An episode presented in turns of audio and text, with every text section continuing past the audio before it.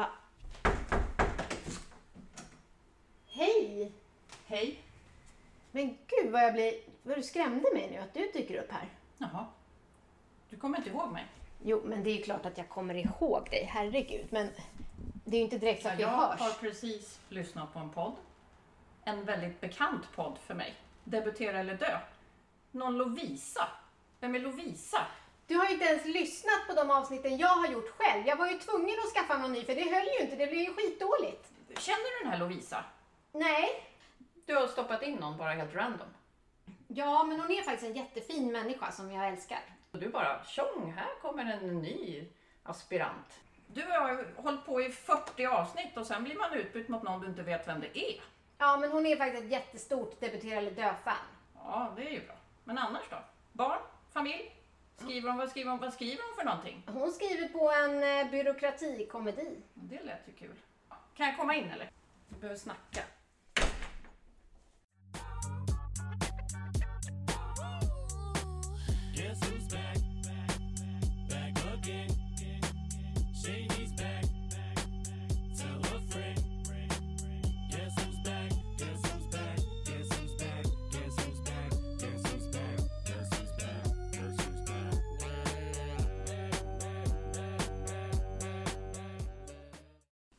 Fan vad fint att se dig Nina.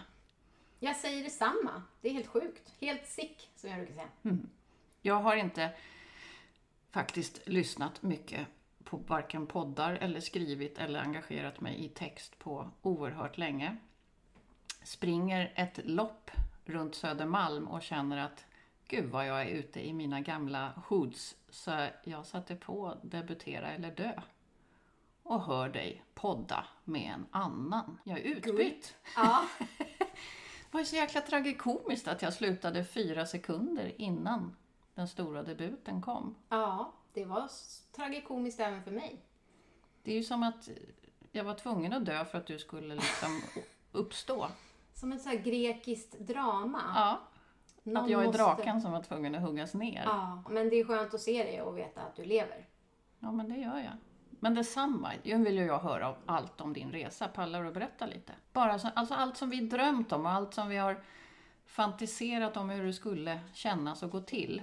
Jag vet ingenting. Hur, hur är det att gå på förlagsfest? På insidan? Mm, det, här, det är det som är så konstigt, för nu har jag ju plötsligt ett före och ett efter. Före när vi drog runt och var hungriga och det enda vi ville var att bli sedda och accepterade och att någon ska plocka upp en i, i ett rum av folk och inse att man är ett geni. Och nu har jag ett kontrakt, men jag känner mig exakt likadan som innan mest, vilket väl egentligen kanske är självklart. Att jag är beige mannen som går runt på en förlagsfest där ingen vet vem jag är, jag vet inte vem någon är. Och man går runt och sådär ställer sig i något hörn med sitt glas och försöker se ut som att man eh, Ja, men är en fisk i vattnet. Bara för att man har fått in en bok så känner man ju inte de andra författarna på förlaget eller egentligen personerna som jobbar där. Men är, är de snåla med sig själva? Är det så att de inte undrar vem beige mannen är? Nej, men inte så. Så här var det. Det var en slags sensommarskål på förlaget i samband med Stockholms bokhelg som förlagen har insett att de kan slå lite mynt av och sälja lite böcker och ha lite författarsamtal. Och då var det att man skulle komma vid halv åtta efter att de hade haft lite författarsnack. Som jag inte var med på för jag var hemma och gjorde mat till mina barn och sånt där. Eh, och så kommer man dit och jag ser min förläggare i samspråk med eh, en författare i ropet helt enkelt. Och jag går inte fram. Alltså som att jag märker hur jag tar en omväg runt och går, går till baren och, och ber om ett litet, litet glas. Och sen cirklar jag runt och vågar inte gå fram liksom efter en kvart heller. Och de står och pratar i ett... Man ser att det är så här levande samtal. Jag känner så varför ska jag gå in där och hallå, här kommer jag. Jag kände att jag avbröt någonting. Och så kände jag ju ingen annan. Så då flyter man runt. Sen blev det ju så att man pratar med lite folk och det är någon man känner igen från Instagram och det finns ju alltid någon bekant sådär. Men Inte var, för mig. Jag skulle inte ha några bekanta. Du vet ju att jag är ansiktsblind. Ja, nej, men det kanske var det som räddade mig då. Att jag till slut kunde hugga tag i någon Kommer du ihåg när vi var på Crime Time och vi sprang in i den här eh, förläggaren med rutig pullover? Ja, just det. Jag kommer ihåg hans kläder men jag skulle fortfarande inte känna igen hans ansikte. Men han hade ju som tur var samma tröja hela mässan. Ja. Parentes. Mm, mm, det var tider. En stor skillnad från Crime Time och den här lilla förlagspartyt var att jag faktiskt tog ett glas alkoholfritt äppelmust. För Men att jag, usch, det ja, men det var konstigt misstag. kanske. Ja, det kanske inte har varit helt lyckat att vara full heller som det har varit. Jo då, det känns bättre för stunden. Ja. Nej, så jag vet inte om det påverkade att jag då hade äppelmust i glaset. Att jag inte gick fram. Sen till slut när klockan var typ halv elva och det var helt kolsvart för det var fortfarande lite coronarestriktioner som man var på deras gård. Med bara lite ljusslingor och sådär. Då hade jag ju manat upp lite mod och gick fram och så pratade vi. Och då var det jättetrevligt med förläggaren. Jag träffade min omslagsformgivare. Det var också roligt att få prata med henne. Så det, alltså allt som allt var det ju jättekul men det är Förlag, slående. förlagsfester är inte automatiskt kul.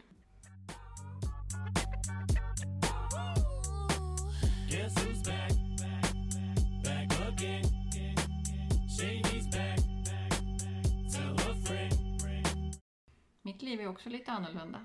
Berätta mer om det. Ja, jag har ju startat eget och fokat på det till 10 000 procent. Precis så som man måste göra om man vill bli författare. Lägga all, all, all energi på en sak. Vilket jag aldrig klarade. Men nu har jag gett mig in i att starta eget mäklarföretag. Och faktiskt hållit fokus. Det har gått så himla fort. Det har varit ett år av mitt liv som bara har sagt swoosh. Men det finns ju alltid en liten dröm som kliar. Hur ser du nu då på den drömmen? Känns den ouppnåelig eller att den är på paus? Eller? tänker inte ens en gång på mig själv i det sammanhanget för att jag vågar inte. Men jag tänker på er som kämpar på. Och ja, vill uttrycka min absolut stora beundran för att engagera sig så hårt i något som är så okonkret. Och så Mm, har så små förutsättningar att lyckas. När jag startade ett mäklarföretag och det liksom snurrar på på bara några veckor så har ju vi varit igång på ett bra Mm. sätt och haft ett enormt tempo. Och den glädje det finns i att hela tiden få snabb respons och feedback på att någonting händer. Det kommer in hus och det säljs hus och man får feedback från kunder. Kontra att sitta i åtta år och nöta med sin dator.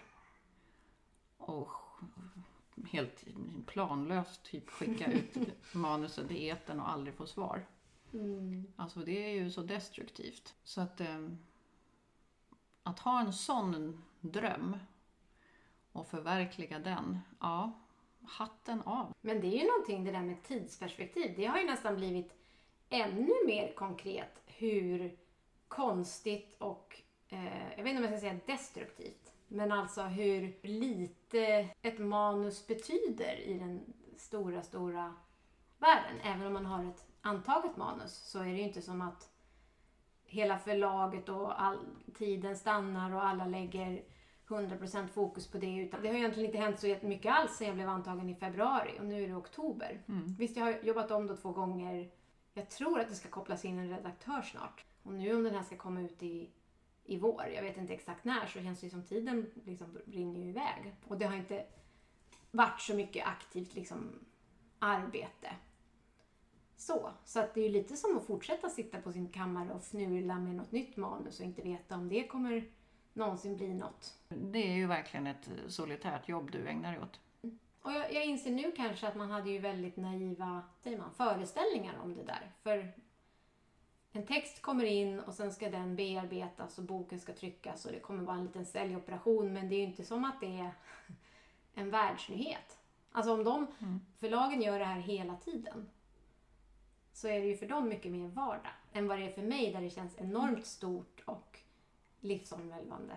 Precis, och jag var faktiskt in på Akademibokhandeln igår och reflekterade just över det att alla böcker som de frontar är typ en eller två veckor gamla. Resten ser man någon rygg av längst bak i affären. Mm. Så att man har ju bara några veckor på sig att ligga längst fram. Sen är man skåpmat. Åh, Ja, så jag, jag börjar komma till någon slags sans att målet har helt förflyttats. Innan var det ju bli antagen, få den där bekräftelsen på att det var värt tiden och att man hade någonting att säga och kunde skriva.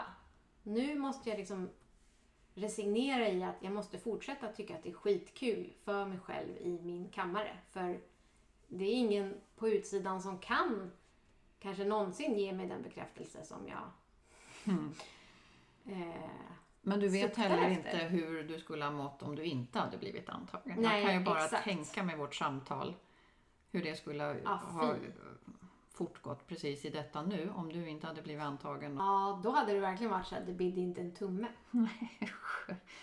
Ja, så att det är jag ju såklart jättetacksam för. Mm. Och det är ju spännande. Jag, jag är ju lite gladare nu för tiden. Nästan Ja, men det konstigt glad. Men frågan är om det är bra eller dåligt. Jag tänker på, du, vi, vi pratar om om jag skriver eller inte och, och jag kan faktiskt erinra mig att jag skrev i somras. Jag hade semester. Mhm. eh, och föll i någon liten typ av depression. För att jag var ledig och hade så höga förväntningar på livet och de infann sig inte. Efter att ha jobbat som en besatt i många månader så blev det något så här tomrum. Och då skrev jag. Eh, inte var något som har med en bok att göra utan jag började skriva vad jag brukar mer kalla sommarprat, alltså så här essäform. Mm.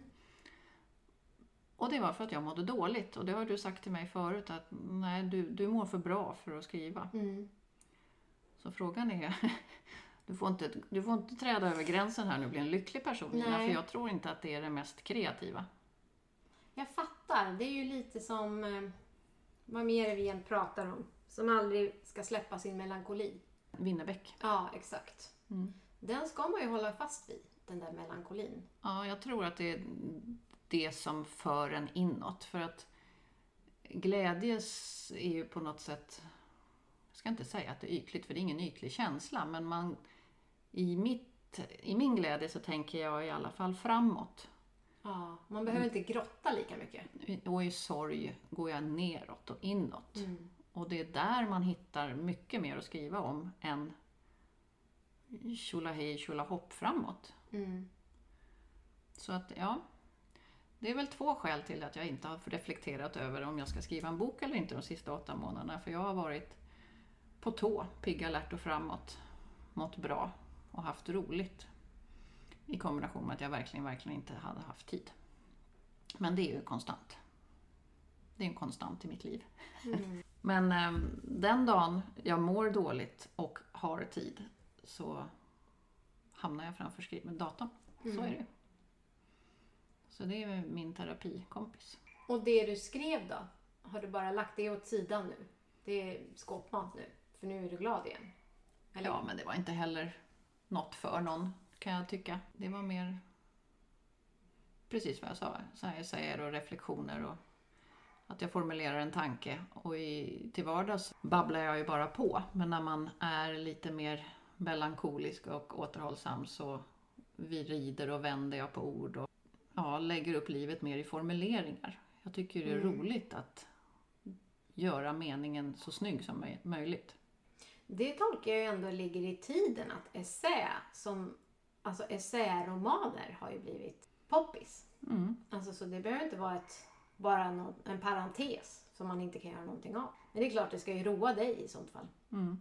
Ja, men det kan jag förstå, för hela, hela livet är ju snuttifierat. Och jag tänker nu på när jag lyssnar på ljudböcker så är jag ju eh, sällan, har jag sällan ork till att lyssna på skönlitterära böcker för de griper mig oftast inte förrän sista tredjedelen. Det är först då det känns som att den har något syfte. Jag vet inte, eller så har jag bara haft otur. Men ja, jag har svårt att engagera mig medans eh, fackböcker och eh, biografier och sånt som är i mer kortare format får mig att engagera mig mycket snabbare och jag lyssnar igenom. Men jag vet inte, det känns som att det har hänt mycket. När vi startade 2017, då trodde jag ändå mer att jag skulle slå som en kommersiell författare och att det skulle vara spektakulärt och champagneton på andra sidan. Och nu så känner jag mig mycket mer krass och tänker så här, ja, säljer den i 300 ex så ska man vara glad för det. Och ja, jag fick göra den här boken och Din dröm Ja. var också att ha en bok att dela ut på julafton. Det var, för det var förväntan utav ja, just det. Karl Johan och familjen. Mm. Vilket också är lite konstigt eftersom jag slaktar mycket släkt. Den är inte, Om jag skriver. de får läsa Ja. den efter julafton. Ja. Ja, men nu ska du alltså gå vidare i podden här Nina med Lovisa. Och ni har ändrat lite inriktning. ja, så vi tänkte försöka prata om skrivproblem. Vi får se hur det går. En mer synkad kickback om jag ska vara ärlig. Även om jag blev lite sned på att jag blev utbytt. Så eh, ni matchar ju varandra jättebra. Vi har väl kommit fram till det kanske att det är väl en både plus och minus om vi är för lika. Kaka söker maka Ja. eller yin och yang, det är bara att välja. Ja, Mm. precis. Hur som helst så känns det ju nu nästan som i det här grekiska dramat att jag, du var tvungen att dö för att kunna återuppstå och dyka upp igen i den här podden. Ja, men svartsjuka driver, Ja. driver till, till många saker. Mm. Men eh, kärlek till er. Det var en väldigt, eh, ett väldigt roligt avsnitt, måste jag säga. Och eh, det är ju fantastiskt att, att lyssna på någon som kan oss utan och innan i podd, poddlivet i alla fall. Alltså, det är så abstrakt att podda. Här sitter du och jag vid ditt köksbord i en villa i Bromma. Och i nuläget kan inte jag föreställa mig att någon ska lyssna på det här. Det är inte det jag tänker en enda sekund av vårt samtal. Det har vi aldrig lyckats tänka. Och det är väl tur. Men när då någon dyker upp som typ kan avsnitten utan och innan. Nej, det fascinerar mig att någon har lagt ner så mycket hjärnkapacitet. Det är fint. Mm. Det är hedrande. Så all kärlek till Lovisa och kör så det ryker tjejer. Ja men kära du. Jag kommer höra er i etern och sen eh, får det inte dröja så här länge igen. Och så hoppas jag vi får skåla på eh, releasen. Då vet jag i alla fall, jag känner i alla fall dig och Lovisa. Ja, den gången ska du inte gå runt som invisible man. Och inte ens våga säga hej. Mm. Nej, jag kommer inte dricka äppelmust. Nej. För det, jag tror inte på det konceptet. Puss och kram och tjing som vi brukar säga. Tjing!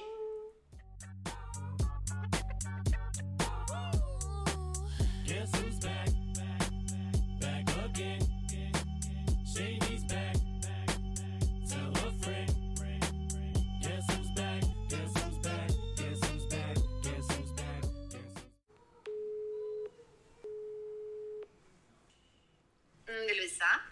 Lovisa, det är Nina. Hej Nina. Du, jag blev lite sen. Det hände en oväntad grej. Johanna de Valiant dök upp eh, utanför mitt hus. Mm, Johanna, jag vill också träffa Johanna. Det här kommer du säkert göra någon gång. Hon är inte bara en stalker utan en underbar människa. Men nu har vi pratat ut lite och eh, jag sätter mig på tuben och åker till dig så fortsätter vi podda. Ja men gör det, jag sätter på kaffe. Ja, grymt. Vi ses snart. Bra, Hej. ses snart. Hej då. Men då är vi tillbaka. Lovisa is back. Yes. Jag tänkte på vilka ascoola debutanter är det vi inte träffar nu, nu när vi har stängt bubblan. Du hade ju fått lite så PR-förslag. Ja, Kristoffer Triumf. Jag har inte ens svarat på det mejlet. Okej. Fuck you. Mm. Margot Dietz, tror jag hon heter. Hon är ju mer influencer. Mm. Sen är det ju en amerikansk författare, Lauren Groff. Mhm. Jag har inte satt mig in så mycket i det. Orka. Mm. Men alltså får inte du Ja. lite så här fear of missing out-känslan? För det fick jag när du började rabbla de här. Du skickade ju några av mejlen till mig och jag bara, eh, vad fan har jag gjort? Alltså så här, för du skickade det efter vi hade spelat in förra gången. Bara, det här är ett exempel på de som kommer in. Och jag bara, wow, ändå. Jag fick lite fear of missing out. Alltså hur känner du? Men det är så intressant för att när vi började podda då var jag som en så här terrier som bara flåsade och bara ja, ja, ja det gör jag. Jag var liksom supergroupie inspirerad och ville åka runt överallt och det var ju kul. Men sen ibland kunde man känna att det blev som att den kanske, författaren kanske inte ens tyckte det var så kul. Och liksom så här som att man var en, en mängd där man har en sån här, ja, jag glömt vad det heter. Men när kändisar sitter och gör intervjuer en hel Ja, dag och man De- får så här åtta minuter var.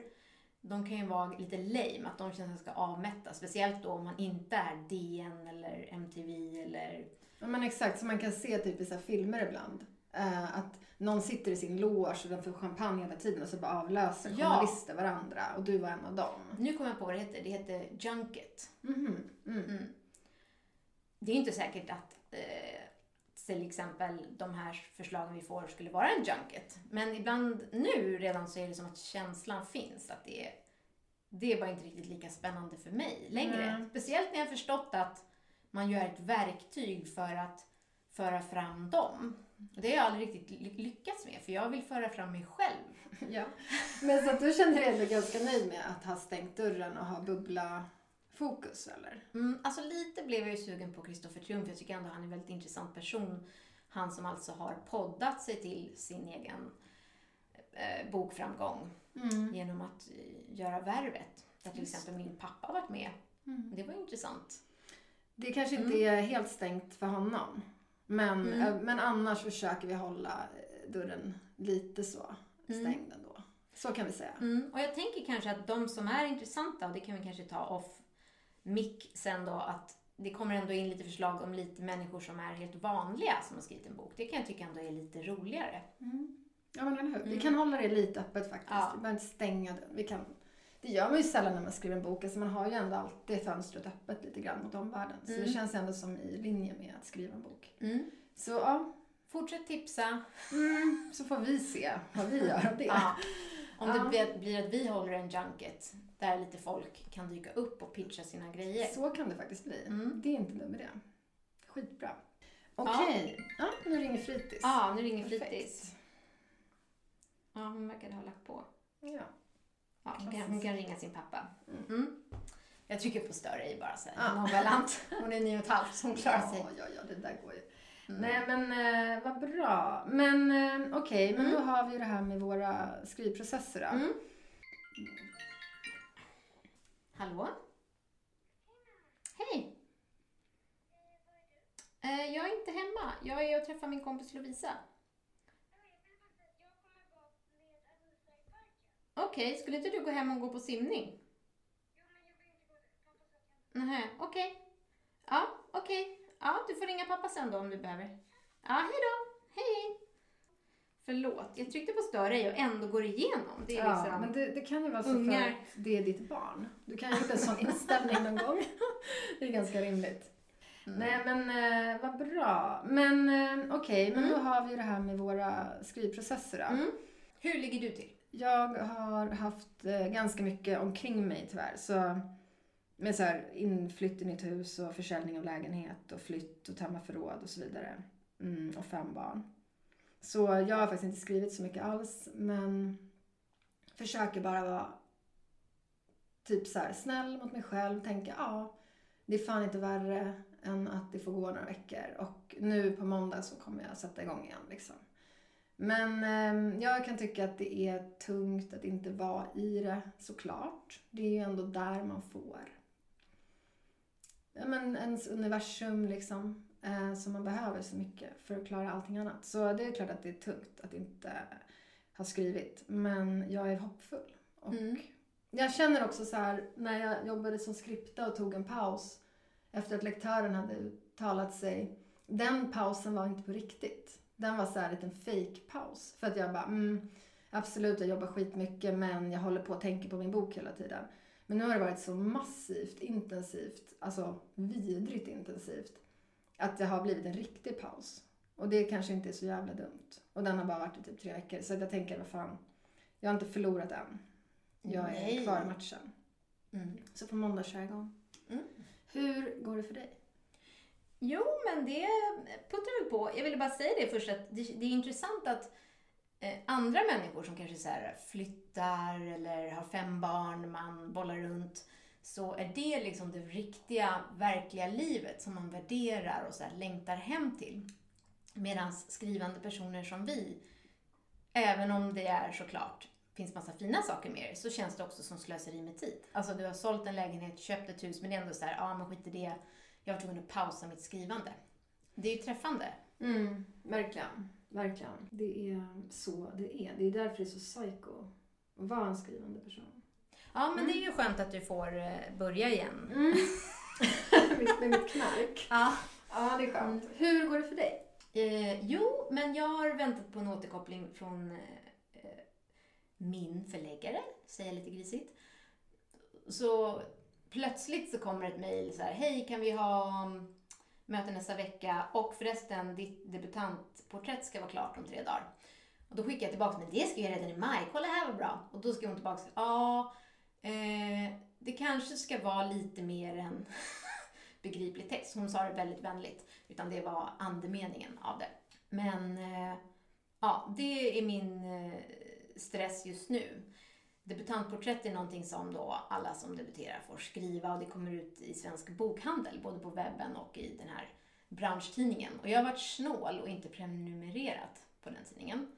Och då får man inte läsa de här debutantporträtten. Jag hade bara googlat runt och försökt bilda min egen uppfattning av de vars författare har lagt ut det i sina bloggar och sådär. Och tänkte att jag ska göra en jätteunik, cool grej som ingen annan har gjort.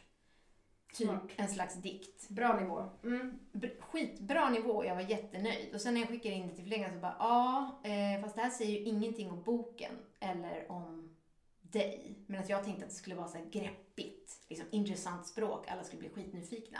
Men det var mer eller mindre obegripligt. Mm. Och för mig att få veta så här, okej, så skriv en prosatext liksom, hur du ser på ditt skrivande, den här romanen. Alltså det var så, så här stryptag när man har så här två dagar på sig och man har massa andra grejer man håller på med. Eh, så igår liksom, jag höll på typ hela dagen men jag fick, det blev bara skit. Alltså jag, jag har fortfarande inte någonting. Så att det är min grej just nu. Så Mm. fattar jag samtidigt så här facktidning, hur...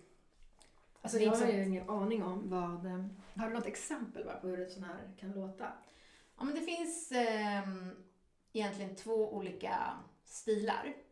Det första är, jag har skrivit hela mitt liv, jag vill bli författare så här, sen jag var fem och så, så här, kanske tänker på någon gammal skrivmaskin eller någon gammal kriter, väldigt så här, nostalgiskt men så här, jag är en smart och djup person. Och det andra är mer, hoppsan det blev en bok och jag har ingen aning om hur det gick till och ja, men jag kunde tydligen det här också. Ungefär så. Fattar. Det kanske är, typ lyssnarna kanske kan eh, skicka in en, en sån text till dig. Det känns Mm. som att de nästan känner dig bättre än du själv. Mm. Eh, Alltså jag blir så jävla mörk. Alltså när jag- när jag ska skriva något så att det blir helt så här, men gud vem vill läsa det här? Jag förstår. Det är väl det jag brottas med. Så Mm. det blir ju inte den här light, happy-go-lucky versionen. Men alltså har man inte folk på förlagen som gör sånt åt den? Tydligen inte. Alltså det, det kanske man får om man är antagen på ett enormt förlag. Med en väldigt stor PR-avdelning. Mm. Berätta mer om Mm. hur det går för dig med debuterandet. Jo men... Gud vad jag lät jovialisk nu. Det är också så här onaturligt. Men eh, ehm, annars så har jag hållit på med ju baksidestext. Alltså baksidestext och säljtext det är så nästan samma sak men inte riktigt. För att det finns då olika kataloger som kommer ut. Alltså att alla förlag gör en katalog inför varje säsong. Och då ska det finnas en text i en vårkatalog om min bok. Och det ska också finnas någon slags säljtext som förlaget använder när de säljer in sina böcker till bokhandlar. Och så ska det ju finnas en, ett, liksom ett omslag och då är det ju både så här, vad handlar boken om? Och så, så brukar det oftast finnas då kanske några citat ur boken. Och så är det oftast en flik på insidan där det är ett författarporträtt och så står det någonting om författaren. Och det har jag ju försökt hålla väldigt kort. Men baksidestexten, just vad som ska stå där om den här boken, det har väl varit liksom den klassiska så här, helt orimliga uppgiften. Alltså svårare än att skriva hela boken. Mm. Nu ältar jag, för det här är ju roligt. Det var ju länge sedan så sa ju förläggaren, "Ja, men du kan väl bara spåna på någonting. Då skrev jag, alltså det, det kanske blir lite jobbigt att läsa upp den, jag vet ja, inte. men vi kan testa. Vi kan det prova. Ja. Alltså den här, den här blev då ratad. Det här var min, mitt försök. Ja. Så före. Liksom. Det, det blir inte så bra. Driften att vinna en man och lyckas vinna honom tillbaka igen och igen fast hon säger nu har vi passerat en gräns, du behöver hjälp. Vänta, vänta. Tills vem säger? Han eller hon? Fast hon säger Vänta nu. Nej. nej det här var inte bra. Ta det från början. Ja. Nej, men jag hängde bara inte med vem är vem. Förlåt. Jag ska nu. Det är ingen fara alls. Driften att vinna en man och lyckas vinna honom tillbaka igen och igen fast hon säger nu har vi passerat en gräns, du behöver hjälp. Men vem är det egentligen som behöver hjälp? Vem är det som bara tänker på den egna romanen, som missköter jobbet och sluddrar på en halv Mirta Sapin? Agnes vet inte vem hon är utan Martin. Till och med hans sätt att torka av köket är överlägset hennes. Ändå är hon ljusår från händelserna runt 8 och 16, när pappa och sen mamma försvann. Vid 40 kan hon rent av kalla sig något sånär förlagsredaktör, fru och mamma. Körsbärsträden ska snart slå ut på den vackraste gatan i stan och parterapin är över sedan länge. Allt ska äntligen få vara vuxet och bra.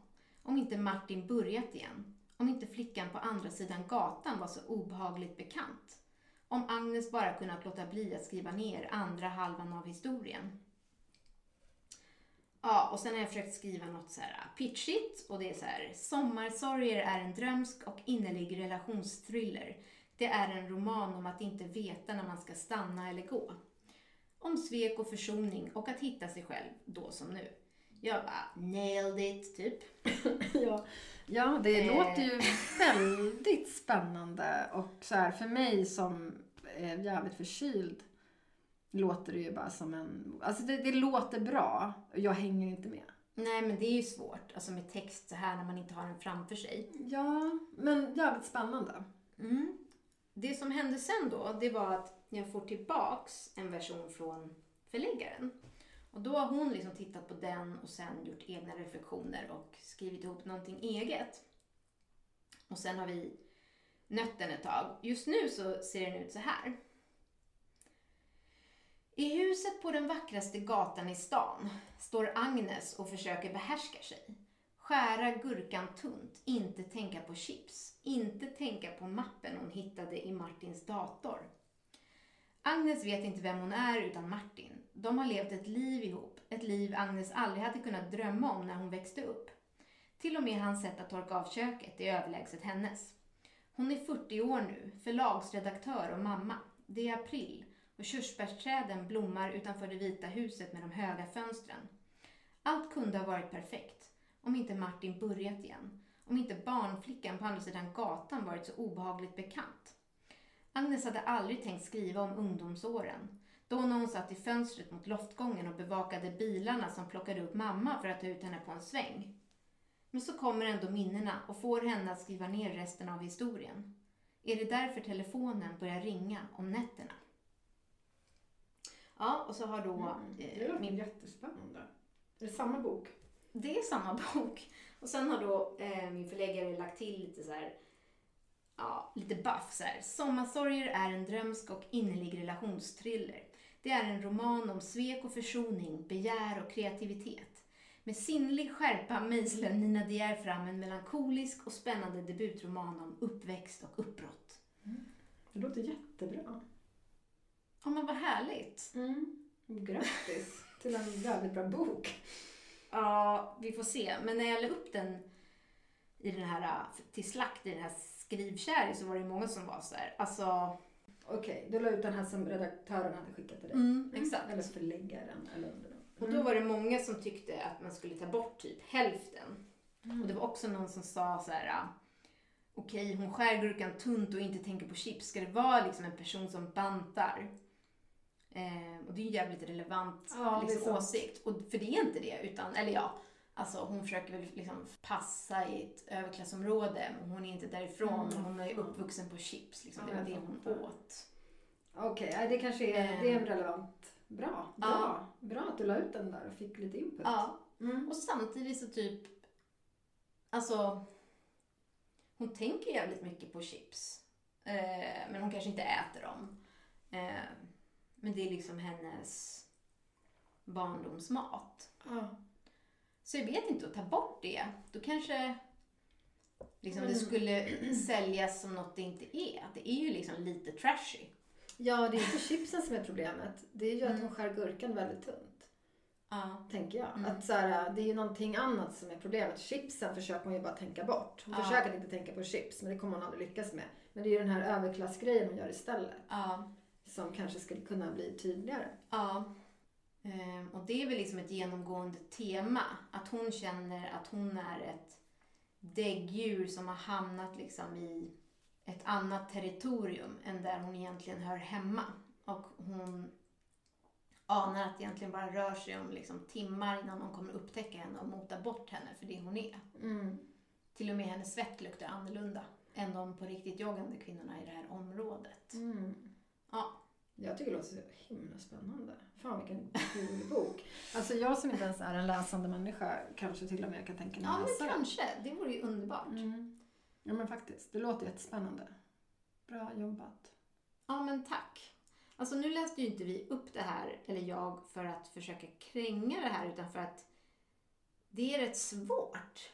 Och det här kanske inte var liksom det bästa. Om någon kommer på något annat förslag så hit me. Mm, Verkligen. Alltså verkligen. Hjälp. Alltså, mm, om ni kan. Mm. Det är väl jättekul att få tips. Alltså, men bra start och bra kul och blir det så här är det också skitbra. Jättekul. Jag skulle köpa den. Ja, men vad kul. Mm. Bra Så jobbat. det är liksom...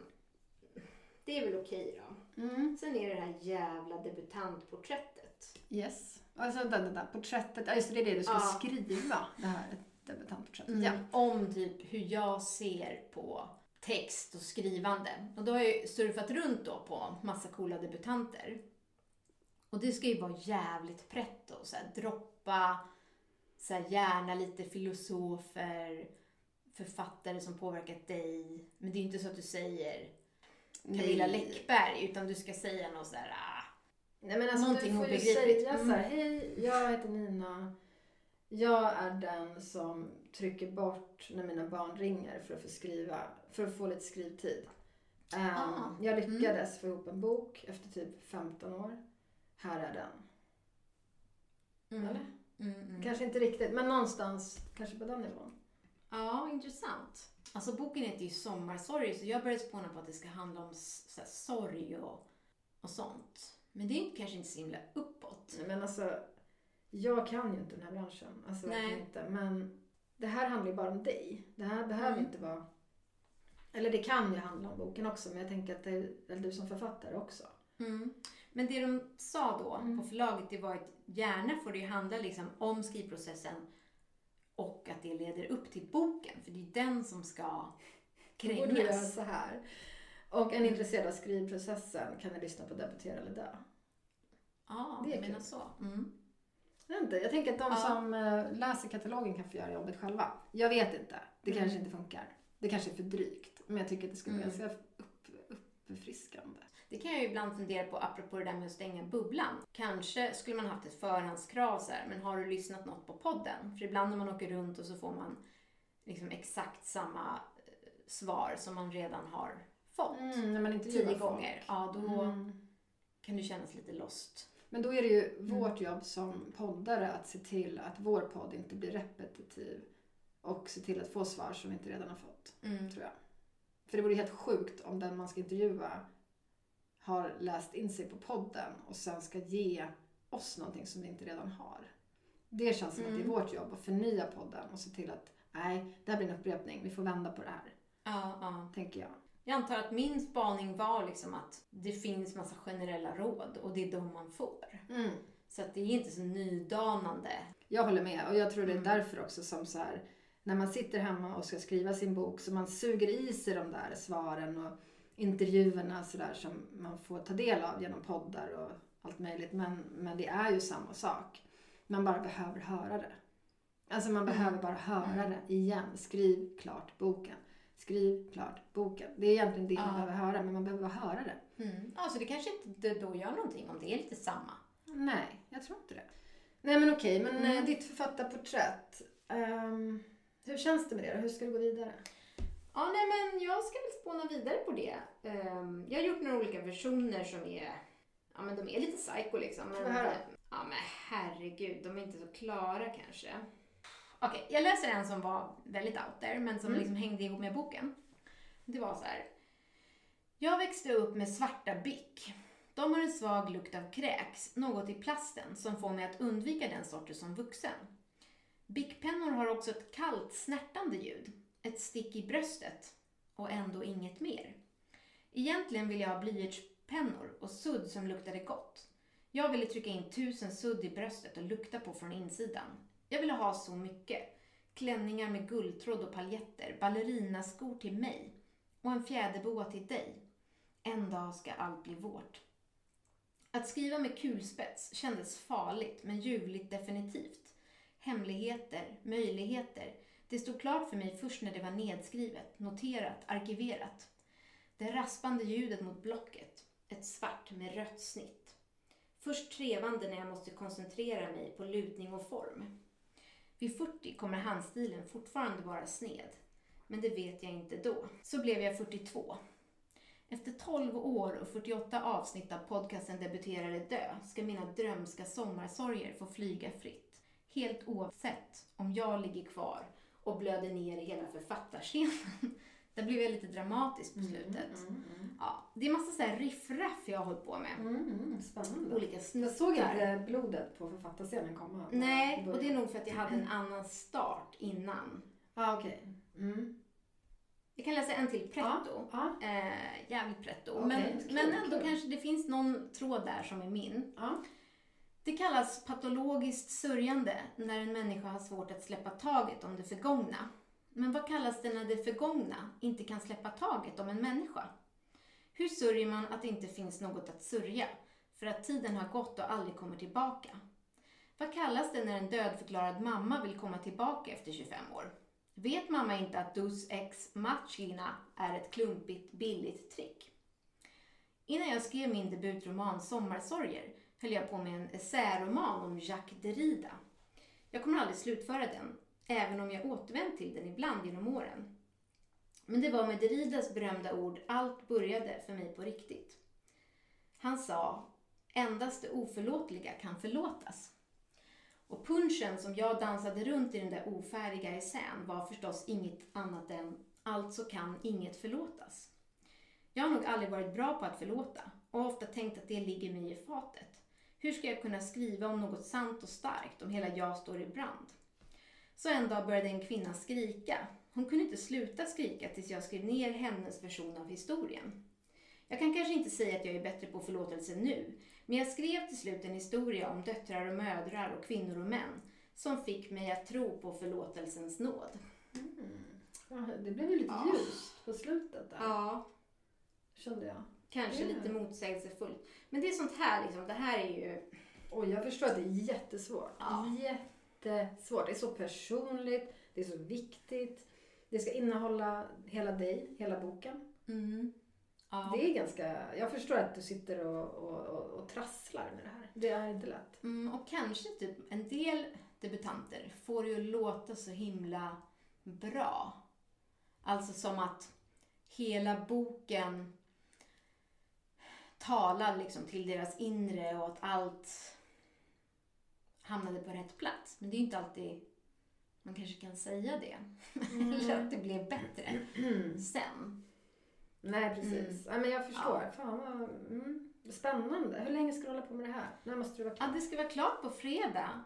Och idag är det Tisdag va? tisdag. Ja. Ja. Och så här, det ska vara klart, klart för att gå till tryck då typ. Så att jag skulle försöka få fram någon, något blaj och sen ska förläggaren tycka till. Mhm. Okej, så det är typ Mm. imorgon ska du skicka något blaj. Gärna. Gärna komma tillbaks senast torsdag. Du kör ett varv.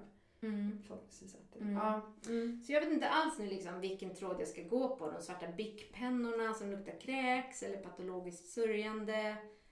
Eller bara något helt annat. Jag hade några andra som var min farmor som var hårder och allvarligt psykiskt sjuk. Mm. Mm, som påverkade mig mycket Mm. i skrivandet av den här romanen. Det är intressant också. Du Mm. kan väl testa skriva ut den idén också. Det låter Mm. kul. Så det är väl ja, det är en intressant utmaning som jag inte visste skulle dyka upp. Nej. Vad är det mer för Ja. intressanta utmaningar som du inte visste skulle dyka upp? Som Mm. har kommit? Det här med redigering var ju... Det kanske inte var liksom så himla chockerande att det kändes som en förlängning av det man har gjort innan när man skriver om manus. Hur, hur gick Mm. den redigeringsprocessen till? Eller hur går den till sen du lämnade in och du, de ville skriva kontrakt? Vad har hänt Mm. liksom? Men då hade vi ett eh, Zoom-möte där, jag gjorde, där vi pratade om liksom generella, lite så mer stora penseldrags grejer som kunde förbättras. Och så gjorde jag dem och sen hade vi ett faktiskt möte och då hade hon läst igen och då fick jag igen massa, både liksom kommentarer i manus och mer kött på benen att jobba med så jobbade jag om igen. Och det har jag skickat in. Och sen har inte så mycket mer hänt. Nu väntar jag på att den omarbetningen ska gå vidare till en redaktör som ska då gå in och fånga upp massa nya saker. Mm. Och jag vet inte hur många vändor det kommer bli. Det får vi väl se vad redaktören tycker. Alltså om hon tycker att det är jätteallvarliga problem och logiska luckor eller saker som man behöver lösa. Mm. Det, det återstår att se. Mm. Men var det mycket ändringar Mm. som du gjorde nu första varvet? När du fick det från din, det här första? Mm, inte jättemycket, men det var mycket var så här. Det här kan behöva förankras, det här kan behöva förtydligas. Och det är att jag gärna så slänger ut väldigt så vaga nyanser. Medan för läsaren så kan det ju vara bra att, att det verkligen fångas upp Mm. och förankras. Att liksom, antingen ska man förstå och det ska vara tydligt eller så ska det inte vara med. Mm. Och samtidigt en intressant sak förläggaren sa. Hon sa, jag tror inte att man ska förstå allt i en bok. Alltså att det ändå finns någon slags nivå som är ja, subjektiv och upp till läsaren att förvandla och göra vad den vill med. Mm. Men så finns det ju andra liksom mer basala grejer i storyn som Mm. måste hänga ihop. Eller Ja. som kanske inte får vara för vaga. Där jag ibland har tänkt att det kanske kan vara lite mystiskt. Bara, nej, så mystiskt kan det inte vara. Mm. Man måste veta liksom, vad hände med den där grejen. Mm. Mm. Ja, men jag förstår. Men det, det låter jätteintressant. Och vilka då är de sakerna som får vara vaga och vilka är det som upp, bara upp, upplevs som bara förvirrande? Det är ju liksom väldigt svårt själv. Så det är ju, ska bli skitintressant att se vad nästa person, redaktören, också ser när du får tillbaka från den. Mm. Men jag är lite hoppfull att det faktiskt inte ska behöva vara så mycket jobb för dig. För att eh, jag tänker på när du precis hade skickat in till du hade skickat in till Bonniers och hade skrivit om hela hösten och så Mm. satt du och Johanna och drack champagne Mm. och sa yes, jag har skickat in. Då tyckte jag att det fanns någonting där i att så här, du har ju gjort så jävla mycket omskrivningar och jobb med din bok så Mm. förhoppningsvis när de väl börjar titta på den nu så kanske det inte är så här, ja du måste ändra ordning på allt. För du har redan gjort så otroligt många omarbetningar. Mm. Så förhoppningsvis är det inte asmycket. Det får vi ju se, det kanske är skitmycket. Men det känns hoppfullt för du har jobbat så hårt med manuset och gått så många varv redan. Mm. Jo, men det, det är nog så. Att jag, liksom, jag gjorde kanske ett grövre jobb innan jag blev antagen. Än vissa kanske har mer grovjobb kvar. Och sen finns det väl massa briljanta människor där det inte är så mycket grovjobb för att de har gjort rätt beslut från Ja. början. Det är väl det som jag funderar mest på när jag ändå parallellt jobbar med ett annat manus. Att hur fan ska man veta liksom om man tar rätt beslut och gör smakfulla val. Det kan ju också Mm. vara att man har helt dålig smak och och liksom Ja, gud går åt fel håll. Och sen Ja. så när man väl, om man då vill samarbeta med ett förlag så kommer de säga ja, fast det hade varit mycket bättre om du gjort- så här. Mm. Eller om den grejen hade hänt 200 sidor tidigare. Och så är det massa, massa jobb som man Ja. sen ska hacka upp och flytta runt. Alltså man vill ju bara att det skulle ha blivit rätt från början. Ja, för man lägger så mycket tid på de här felbesluten. Mm. Som man bara gjort helt själv. Någonstans, kanske på tunnelbanan hem. Bara, Nej men jag gör så här, jag bara ändrar om. Jag tänker så här nu och så kör jag på det i tre månader. Alltså man är ju så himla, man är så ensam i sitt skrivande. Så att den här storylinen och allting är upp till en själv. Det kan jag verkligen känna när jag har skrivit att jag saknar så här manusrum. Att man är så här fyra pers som försöker lägga ut den här Mm. berättelsen och sen få gå tillbaks till sig själv och skriva sitt manus eller sitt avsnitt eller någonting. Men Ja. att hela storyn är klar, den är godkänd. Vi är fem pers som har suttit Mm. och tittat på det här. Och det här är bra, det här håller. Och sen börjar man skriva. Ja. Alltså det gör ju många ensamma författare också, gör en storyline och Mm. gör det jobbet. Men Mm. just att man har bekräftelse av varann och så här, man, man jobbar fram det ihop. Det känns som en, en, en grej som är lite tråkigare med skönlitterärt skrivande. Och sen att man just kanske lämnar till någon efter ett halvår och då ser den storylinen och bara men oj, man kanske kunde bara börja tvärtom. Det är de sakerna nöter man och blöter man så himla tidigt tycker jag i en så manusprocess. Mm. Ehm, eller alltså inom tv och film liksom. Ja, ja, men det hade ju varit underbart att få dyka upp på ett förlag och så här. ja, Jag tänker så här, men jag tänker inte fan inte skriva den förrän ni godkänner det och det och det och det. Mm, det hade varit så jävla lyxigt.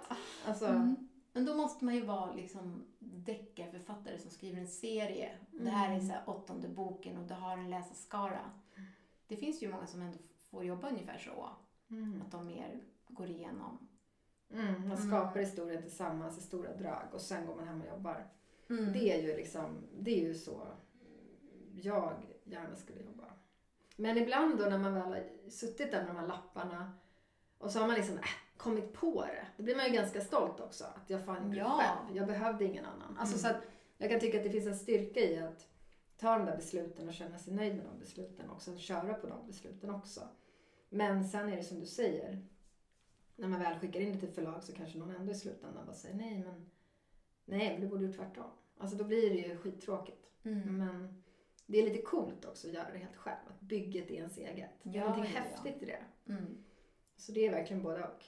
Och man kan ju aldrig veta eftersom det tyvärr inte går att gå upp på ett förlag och bara pitcha en idé. Nej. Så måste man ju liksom gå den långa vägen och skriva ut skiten Mm. som man har tänkt och sen får man se. Precis, och det är ju också raka motsatsen från tv och film. För där är det ju att man pitchar in en idé och sen får man lite utvecklingspengar, man gör en synopsis, mm, man får lite utvecklingspengar. Alltså så att det är lite så skillnad i de här, det är egentligen samma sak, en historia ska skrivas.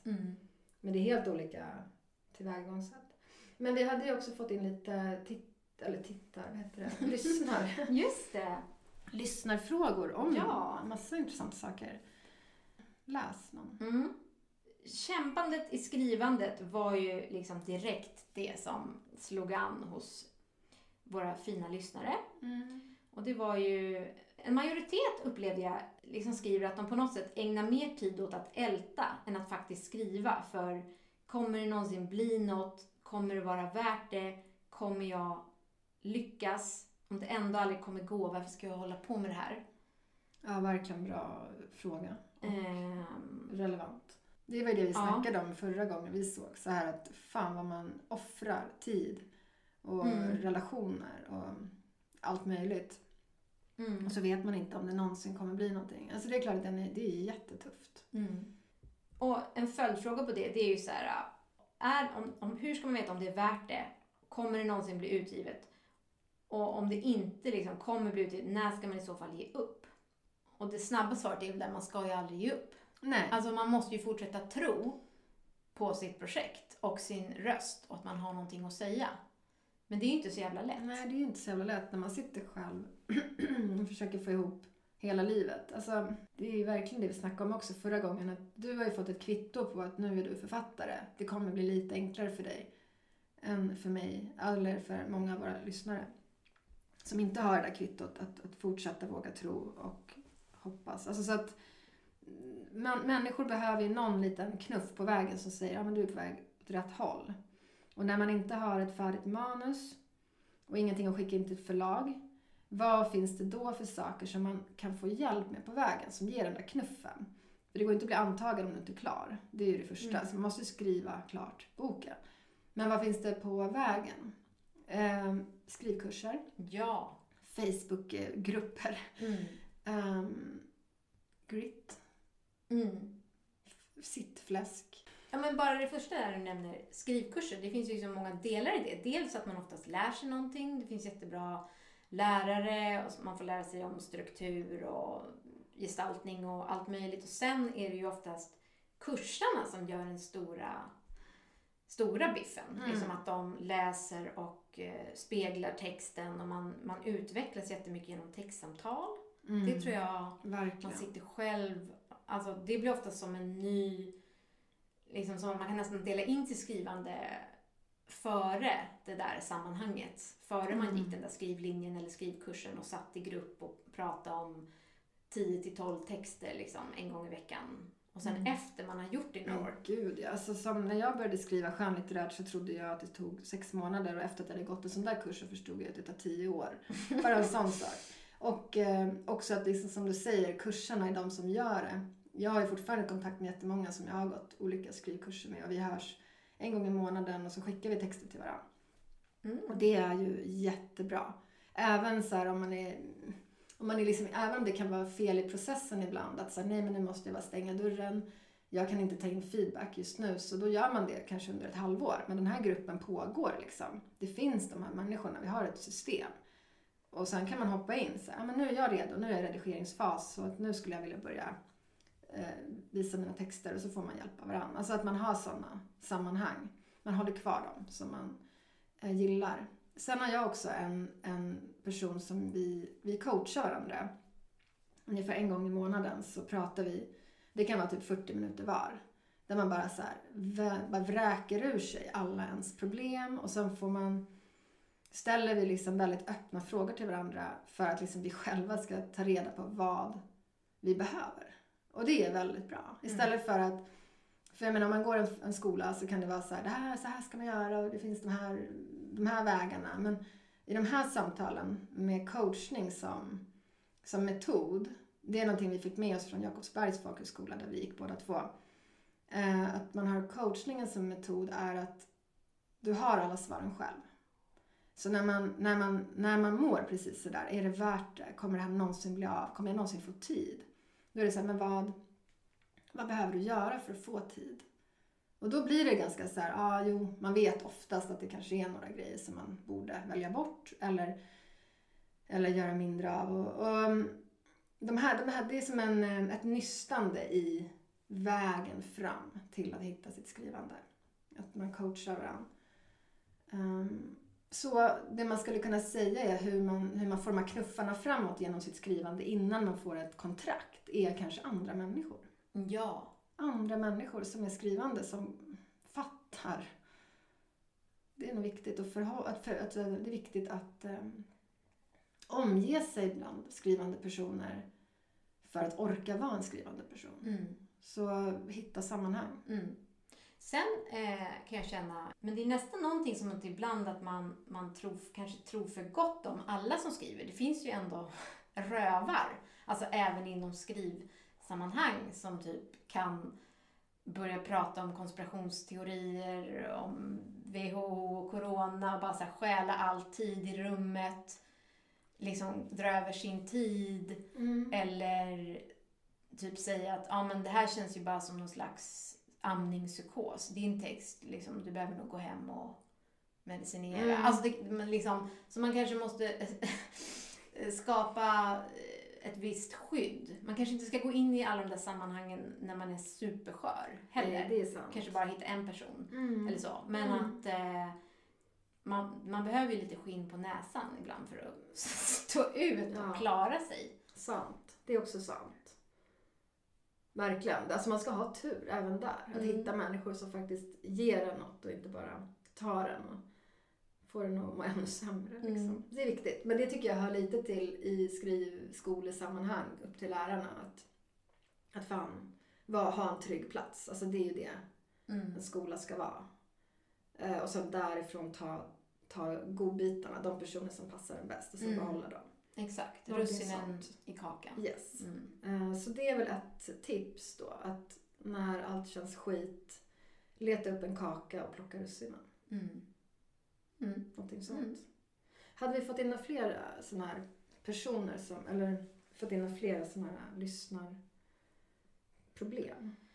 En av de här trådarna om hur, hur man vet om man ska fortsätta. Till exempel en skrivis eh, Eh, upplever att problemet är självförtroendet och samtidigt så är, när man då skriver så rör man sig ju lätt i kretsar där folk hela tiden släpper böcker och får kontrakt. Där känslan kan bli väldigt stark, liksom, att alla andra lyckas utom jag. Och det, det till och med kan gå så långt då så att en skrivande person kan ifrågasätta, liksom, är det egentligen min dröm att skriva? Eller att det bara är att jag tror, liksom för att alla andra går det så bra för, att man ska debutera och bli författare. Mm. Oj, vad svårt. Det är ju Mm. jättesvårt för oss att veta vad någon egentligen vill. Men att vara i ett sammanhang där alla andra, eller det här är också en känsla den här personen har, att alla andra debuterar runt henne eller hon- honom. Alltså, Mm. men, men den känslan, vad fan gör man åt den då? Det går bra för alla andra utom för mig. Mm. Det är ju såklart en stark känsla som också eh, blir skev. För att det, man vet ju hur många som blir refuserade och att det är en promille liksom åt gången som slipper in på ett förlag. Ja. Även om det inte är ett lotteri, för det är ju ofta samma personer som bara kämpar och kämpar och höjer sitt hantverk och till slut så går det vägen. Mm. Precis. Men jag kan också uppleva att jag har blivit jävligt triggad av det. Att man kämpar och får nej, nej, nej, nej. Och så någon, ser man i sitt flöde, jag fick ja! Det är inte direkt att man bara ställer sig och hoppar upp och ner och är superglad för den skull. Utan man undrar, vad är det som den personen har fattat och vad är det för fel på mig? Det blir ju Mm. väldigt starkt liksom. En utanförskapskänsla. Eller liksom... Precis. Och där har ju du varit och nosat jättemycket tycker jag överlag med att också träffa alla debutanter och velat debutera själv och verkligen liksom ägnat det åt att umgås med folk som det går jävligt bra för. Men en parentes där. När jag träffade Elin Kullhed i våras, för övrigt, eh, förlåt för att ljudet blev lite kast, det var fortfarande lite coronarestriktioner så vi satt lite långt ifrån varandra. Eh, Så jag tyckte att det hördes lite dåligt och blev lite brusigt. Hur som helst, hon sa till mig så här, eh, alla de där böckerna liksom som man skriver som inte blir utgivna, det är ändå ett viktigt meddelande till en själv, liksom att de fungerade inte. Och jag förstod vad hon sa, men jag blev också lite paff. För jag tror att i många år så tänkte jag bara så här, men de var ju skitbra, men de såg inte mig och de, de förstod inte och det är helt omöjligt och de läser knappt. Men de är ändå rätt bra på text. Alltså nu låter jag ju grisig igen för att, bara för att jag fick ett antaget. Men jag tror att det, det är någon, någonstans där i den där uh, gråzonen. Att man behöver både kanske kunna acceptera att förlagen är bra på att göra en bedömning och att det kanske var någonting som just nu inte funkar i manuset.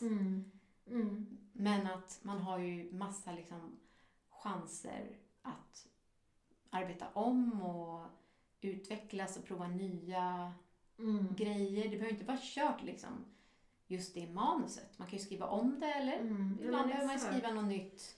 Jo men det är ett fint sätt att se på det liksom att det är som ett, sa du ett meddelande till sig själv? Eller liksom att man, den finns ju här så svaret finns ju i den här texten. Vad är det som inte gjorde att det gick hela vägen? Mm. Den är ju, den är ju där liksom. Så Mm. man skulle kunna studera ens egna texter och sen försöka analysera och försöka göra det bättre och höja nivån, höja nivån, höja nivån. Ja.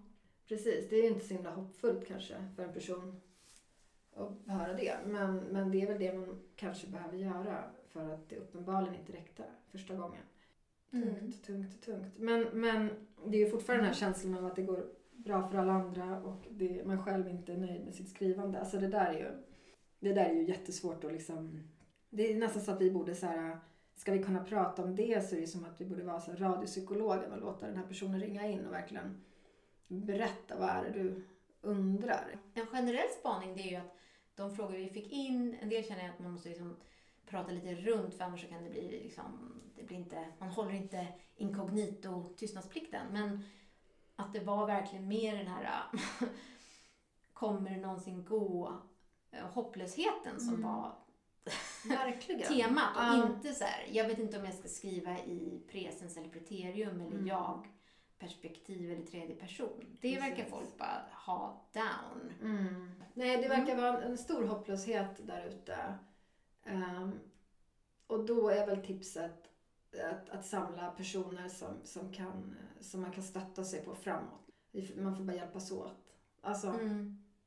Usch, jag fick någon så här, så här sjuk känsla här Squid Game. Har du sett den? Ja, jag vet precis såklart den igår. Ja, alltså jag har inte sett klart sista avsnittet. Men jag tänker du vet den här, Mm. den är en fruktansvärd liknelse. Men Ja. jag tänker på den här glasbron. Där Ja. varannan är härdat glas och det andra är bara glas som man faller rakt igenom. Att det är ungefär lite, alltså nu är det en extrem överdrift, men Mm. att skriva en bok, är, de ser ju målet jättetydligt och på vägen dit är det helt fruktansvärda uppoffringar. Ja. Och man har varandra. Så här, om det, nu är inte det heller jämförbart för om någon debuterar betyder det inte att, alltså, då är det inte att jag går på samma glasskiva Mm. och då kan Mm. jag också debutera om jag bara följer den som överlever längst. Men jag Vi tänkte, behöver nästan bakgrund här. Det här är då Ja. en koreansk serie där skuldsatta människor hamnar i en eh, dödlig tävling. De tror ju inte att de kommer bli dödade men det är liksom dödlig utgång under de här eh, ganska fysiska lekplatstävlingarna. Mm. Då är det en sekvens där de ska gå över en slags glasbro med olika glasbrickor och de ena brickorna är då härdat glas som man kan gå på och de andra är då t- så tunt glas att man rasar ner liksom 500 meter mot sin eh, död. Så ska de här personerna liksom bara chansa vilket, vilken glasbricka ska jag liksom ställa mig på. Och så är det den som går först, den dör ju först. Och den som kommer sist, den klarar sig liksom för att den till slut så har det visat sig, de alla. Ja, för att de andra har ju Mm. gått före och de, Mm. de kommer ju, nu ska vi inte, men ska inte säga hur det slutar, men, men liksom, det är ju en fördel att gå sist i, det, i den leken, Mm, mm. så att säga. Men, men det jag tänkte var bara att det är liksom att, att om, man är om man är ett gäng skrivande personer så klarar man sig bättre. Mm. Men i just det här fallet att skriva kan man också klara sig, även om man går längst fram. Mm. Men det är en väldigt konstig. Men det är intressant, för jag tänkte direkt, eh, det här är ju som förlagsbranschen, tänkte jag typ redan första avsnittet när det så här mias ner så här 300 personer på, inom loppet av 30 sekunder. Att liksom, det är ju så det är. Man skickar till de här manuskorgarna och bara... I första leken där ja. Mm. När ingen förstår reglerna och inte förstår hur viktigt det är att stå helt stilla när spelledaren säger stå still. Mm. Eh, att man faktiskt blir skjuten. Det är ju som typ analogin när man skickar in att man kanske har inte gått igenom det så noga. Man kanske bara skickar in så här 40 sidor och tänker men jag vill bara kolla vad de tycker om det här. Nej, du blir skjuten direkt. Mm. För att de kan inte göra en bedömning. Exakt, det är inte ens reglerna. Du har inte ens följt reglerna. Nej. Skriv en bok. Då kan vi, då kan vi snacka. Mm. Ja, men det här var kanske inte så peppigt. Nej, nej, nej, det var en jättedålig liknelse. Men, nej, men som vi sa där, plocka russinen ur kakor. Ja. Som ni ser. Och, eh, som ni ser. Mm. Och kämpa på. För i helvete, Ja. det går ju liksom inte att backa. Det är ju det som är grejen att är man en skrivande person eh, och inte kan sluta skriva, då är man ju i någon mån författare. Det handlar ju bara om när du skriver det där verket som kommunicerar med omvärlden. Mm. Det är bara en fråga om när. Man måste ju bara fortsätta att utforska sin Mm. väg och sin röst. Det kommer gå. Det kommer gå. Ja. Men också den grejen, alltså parentes, men det här är ju den stora skillnaden på att ha debuterat och inte. För du säger ju det nu, precis som Ja. alla dina gäster sa till dig och du bara Nej, det är inte sant. Alltså så här, du var Mm. ju verkligen så här, det här, du hatade ju när folk sa så. Mm. Och det är ja. Och det är ju fortfarande sant. Alltså du måste kämpa på. ja. Men det är väl det, jag liksom, jag trodde ju att det skulle gå. Men jag var kanske naiv och liksom över, eh, övervärderade mina tidiga manus som man kanske måste göra. För det är också en del av det, liksom, att man, man måste ändå tro på det man, det man har gjort och älska det själv. Eh, och så kanske man inte kan se på det förrän om några år, liksom, hur, hur det egentligen var. Och då tycker man något helt annat om kvaliteten. Men nu, jag menar om jag kunde klara det fast jag liksom är en medianmänniska så är det klart att alla kan klara det. Mm. Så är det. Mm. Absolut. Ja, nej men det är bara att köra på. Fortsätt. Mm. Mm. Det kommer gå. Det kommer gå. Mm. Vad tänker du själv när vi pratar om det här? Om du jobbar på, nu har du haft en liten paus men du ska liksom, du är ändå i en slags slutfas. Mm. Inför det här med att eventuellt skicka in Mm. och... Ja, precis. Det är ju... Nej, men alltså det enda som gör att man orkar skriva är ju att man leker med tanken att det ska gå. Det är ju hoppet Mm, hela mm. tiden. Hoppet om att det ska gå. Eh, och min eh, coachkompis som jag pratade om, som, som vi hjälps åt att ta varandra framåt i skrivlivet. Eh, hon har ju stoppat mig väldigt många gånger från att skicka in till ett förlag. För att det är så långt kvar för mig. Jag skulle bli skjuten direkt för att det är inte ens klart. Så då skulle det inte ens vara aktuellt att få relevant läsning. Så att alltså, jag är så jävla hetsig och vill bara få svar. Men, men den är inte klar. Eh, så att det är också en grej att jag har lärt mig med åren att fortsätta skriva tills den är helt klar. Sen skicka in. Men, nej, men jag tror att det man gör är som en icke-debuterande person är att man, man leker med tanken. Att man håller, eh, håller i sin bok och liksom blandat med att man eh, inte tror på det alls. Liksom. Det är väl det samma som, jag, som du har haft och som jag tänker jag menar med din nästa bok också, att det, som du sa förra gången vi såg, så att det är inte självklart att din nästa bok blir antagen heller. Alltså, det är varenda bok i sig kommer vara liksom samma hopp, förtvivlan, hopp, förtvivlan. Mm. Intala sig själv att det kommer gå, men man vet inte. Alltså, det är en sån skev process att den bara bygger på att man hoppas. I kanske Mm. fem, sex års arbete. Man Mm. hoppas. Det är så sjukt. Och då måste man ju ändå liksom... Man kan bara gå tillbaks till att det måste vara skrivglädjen som gör det värt det. Verkligen. Mm. Och viljan att fånga någonting liksom. Jag börjar känna mig lite så här, som att jag skriver om en händelse som har hänt. Så, eh, eftersom att jag skriver en, en, en bok om flyktingkrisen 2015 så missade jag ju femårsjubileet, om man kan kalla det jubileum. Eh, att liksom, när ska den här boken, om den någonsin ges ut, när ska den ges ut för att fortfarande vara aktuell? Och nu är vi ju liksom inne på 20, 20 nej nu är vi inne på 2021. Jag bara känner så här, snart kommer den här boken aldrig ens vara kul. För att, att, att läsa om, eller kul, alltså flyktingkrisen 2015 var inte kul. Men jag menar den kanske inte ens kommer kännas aktuell eller skarp. Eller åh, vad, vilket, för att det, har redan, det är så länge sedan. Så man har inte ens de problemen man hade då. Mm, men det tror jag inte kommer vara något problem. Alltså det kommer ju ut typ böcker om finska kriget. Mm. Eh, allt möjligt gammalt groll. Mm. ja, Förlåt, nej jag alla vet. liksom det blir så fruktansvärt fel. Mm. Nej, men, nej. Ja, Nej men det tror jag inte kommer vara ett problem. Mm. Men det är ju att ändå liksom fortsätta tro på att man har liksom någonting relevant att säga. Det är ju en utmaning liksom oavsett. Precis som det här med trendbrott, att så här, plötsligt eh, är det inte i ropet längre. Eller att alla ska skriva exakt samma grej som man själv.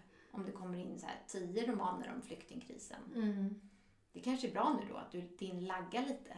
Så att de Ja, andra har precis. liksom redan Mm. försvunnit. Ja, alltså samtidigt, det känns nu känns det som att man bara hoppas på att... Men det känns ju också sjukt att tänka att...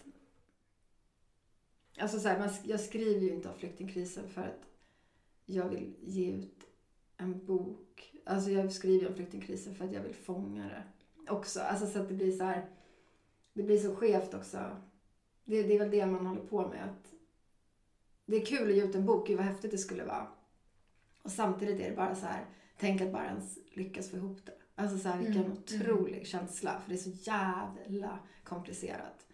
Att eh, det är som att men det är som att, att lägga ett pussel som är så satsvårt.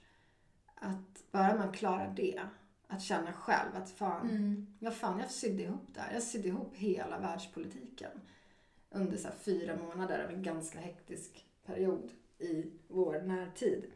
är ganska coolt i sig. Mm. Och jag har också lekt lite med tanken att jag kommer bli en så expert på eh, augusti till november 2015. Och alltid kommer vara det. Ja, ja, ja, ja. Det är kul. Mm. Att bara vara expert på någonting. ja. Ehm, men nu vet jag inte riktigt vad vi pratar om. Jo, men just det där bara vad man, hur man orkar hålla på. Mm. Hitta på att det ska gå. Ja. Jag tänkte, såg du Girls Ja. när det gick? Mm. Jag tänker fortfarande liksom på henne mycket. Dels liksom självklart det här att hon tyckte att hon var liksom the voice of her generation. Det är ju liksom väldigt träffande att man känner så. Men sen fanns det ett intressant sidospår som var liksom hennes mamma som också skrev en massa. Och sen så blir det ett samtal liksom me- mellan då eh, huvudpersonen och pappan. Och det var så här, men hur gick det sen? Varför slutade mamma skriva? Och liksom, hur blev det då? Och pappan bara, åh det blev underbart. Hon började så här motionssimma, hon började laga mat. Hennes liv blev bara så mycket bättre sen. Mhm. Hon liksom gav upp den gamla drömmen. Och, eh, Oj, vilken Liksom. fruktansvärd... det här har jag missat. Jag tror inte jag såg Ja. klart alla säsonger kanske. nej, men jag kommer ihåg att jag... jag det var, det var så här en obehaglig känsla.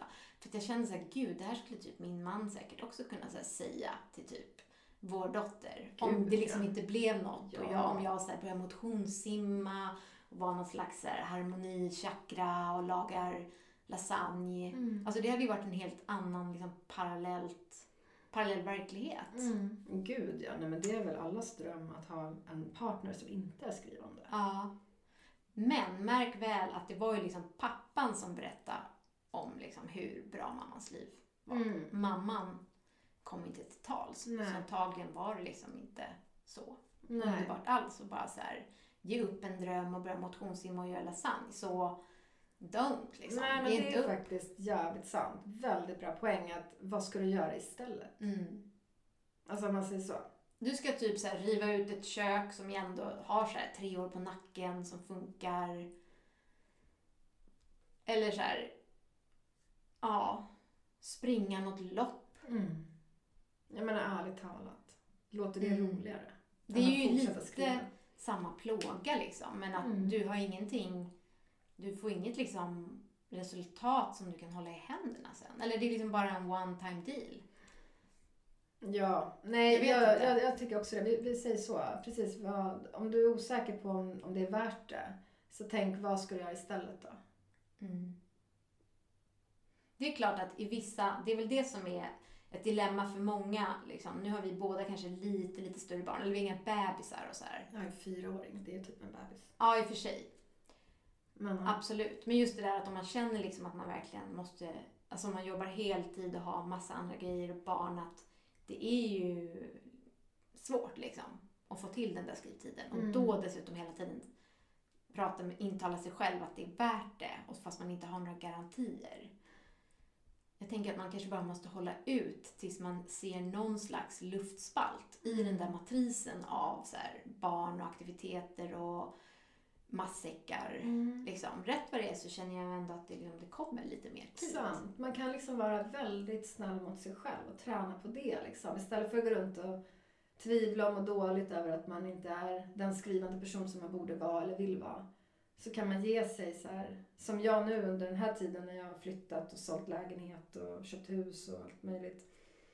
Så har jag liksom fått verkligen träna att acceptera det. Att så här, men det här är nu och det är skitmysigt och vi ska bo in oss här och alla barnen ska få rum och vi måste prata om vart vi ska måla om. Alltså jag kan inte Mm. bara så här, jag kan inte bara gå in och stänga in mig på ett tag. Utan det här är det som händer nu runt oss i min familj. Och få vara snäll mot sig själv och tänka det här är en period och det är okej. Och den perioden kan ju vara jättelång för vissa. Som kanske inte kan skriva från att de blir föräldrar tills barnen flyttar hemifrån. Men då får det vara okej. Mm. Alltså här, man får vara snäll mot sig själv. Alltså, Man Mm. behöver inte skriva, skriva, skriva, skriva, producera text.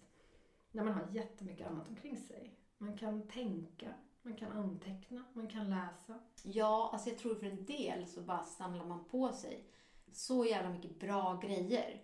Så sen när man väl får den där tiden, då är det liksom som en unstoppable liksom rocket. Verkligen. Precis, så samla bara material. Ja, så var det ju för Karin Smirnoff liksom. Hon var väl typ närmare 60 när hon Mm. skrev om Jana Kippo. Då var det liksom, då kom det ut rätt med en gång hon blev typ antagen inom någon vecka. Ja, jävlar. Jag är så jävla dålig på namn så jag vet inte vem någon är, men vad kul. Exakt.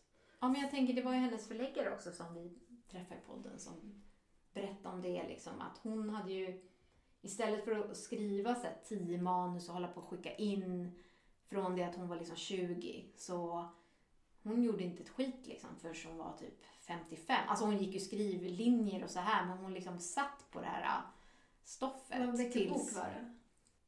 Jag for ner till Bror heter den första. Ja.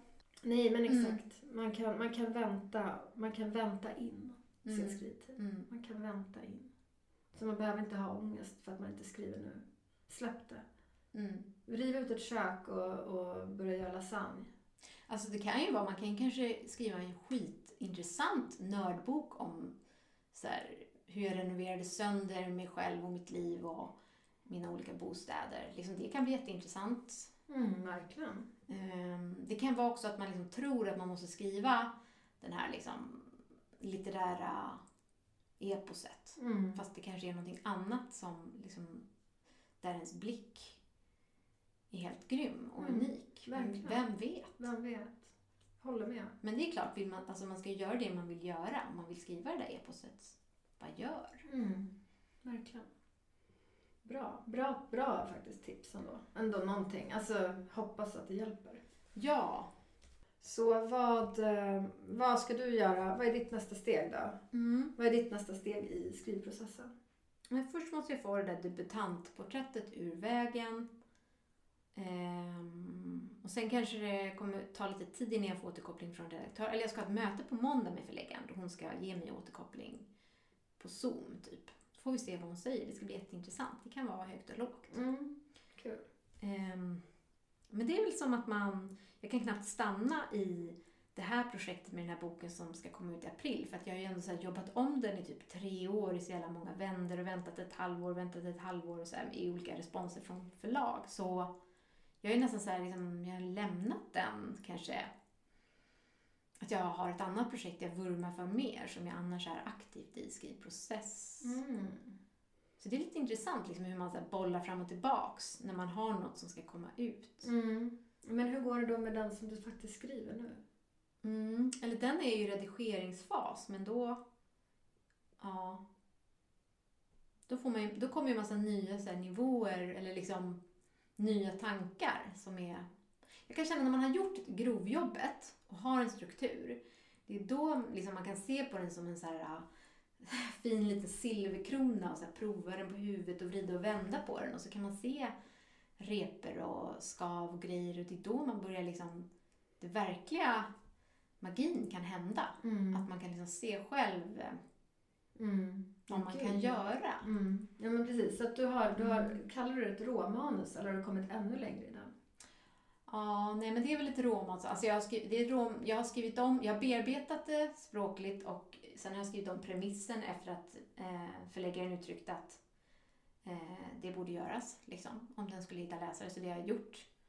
Och nu ska jag väl, jag har så printat ut den och jag borde liksom göra den där genomläsningen nu. Men jag drar mig för det, kanske för att det är så mycket annat stök i huvudet. Så att, Mm. Men då har du kommit väldigt långt med den också, får man ju verkligen säga.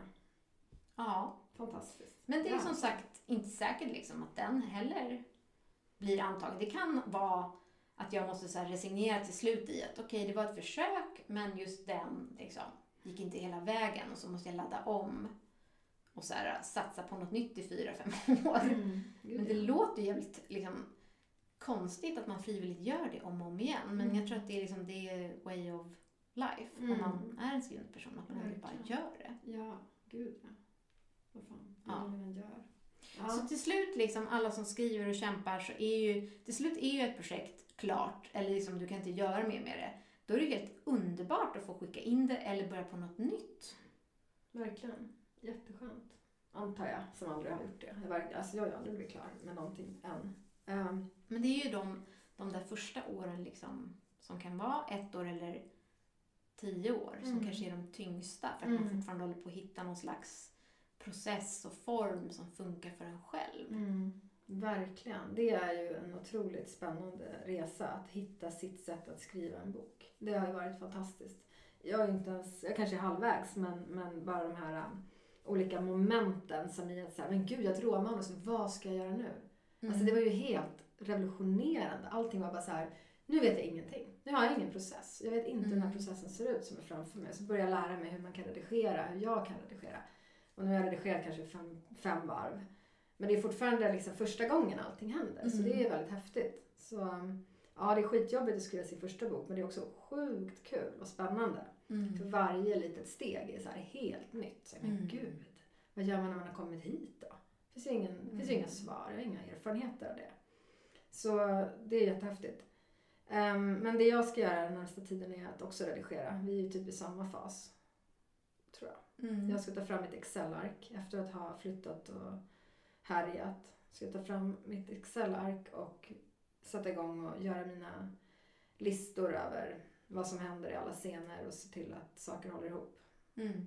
Logiskt och känslomässigt. Och eh, ja, så det är ju ganska tråkigt egentligen. Eh, kan, man, kan jag tycka. Det känns inte som en jättekul grej att börja med på måndag. Men klockan så här sex på morgonen. Men Mm. man måste göra det för att komma framåt.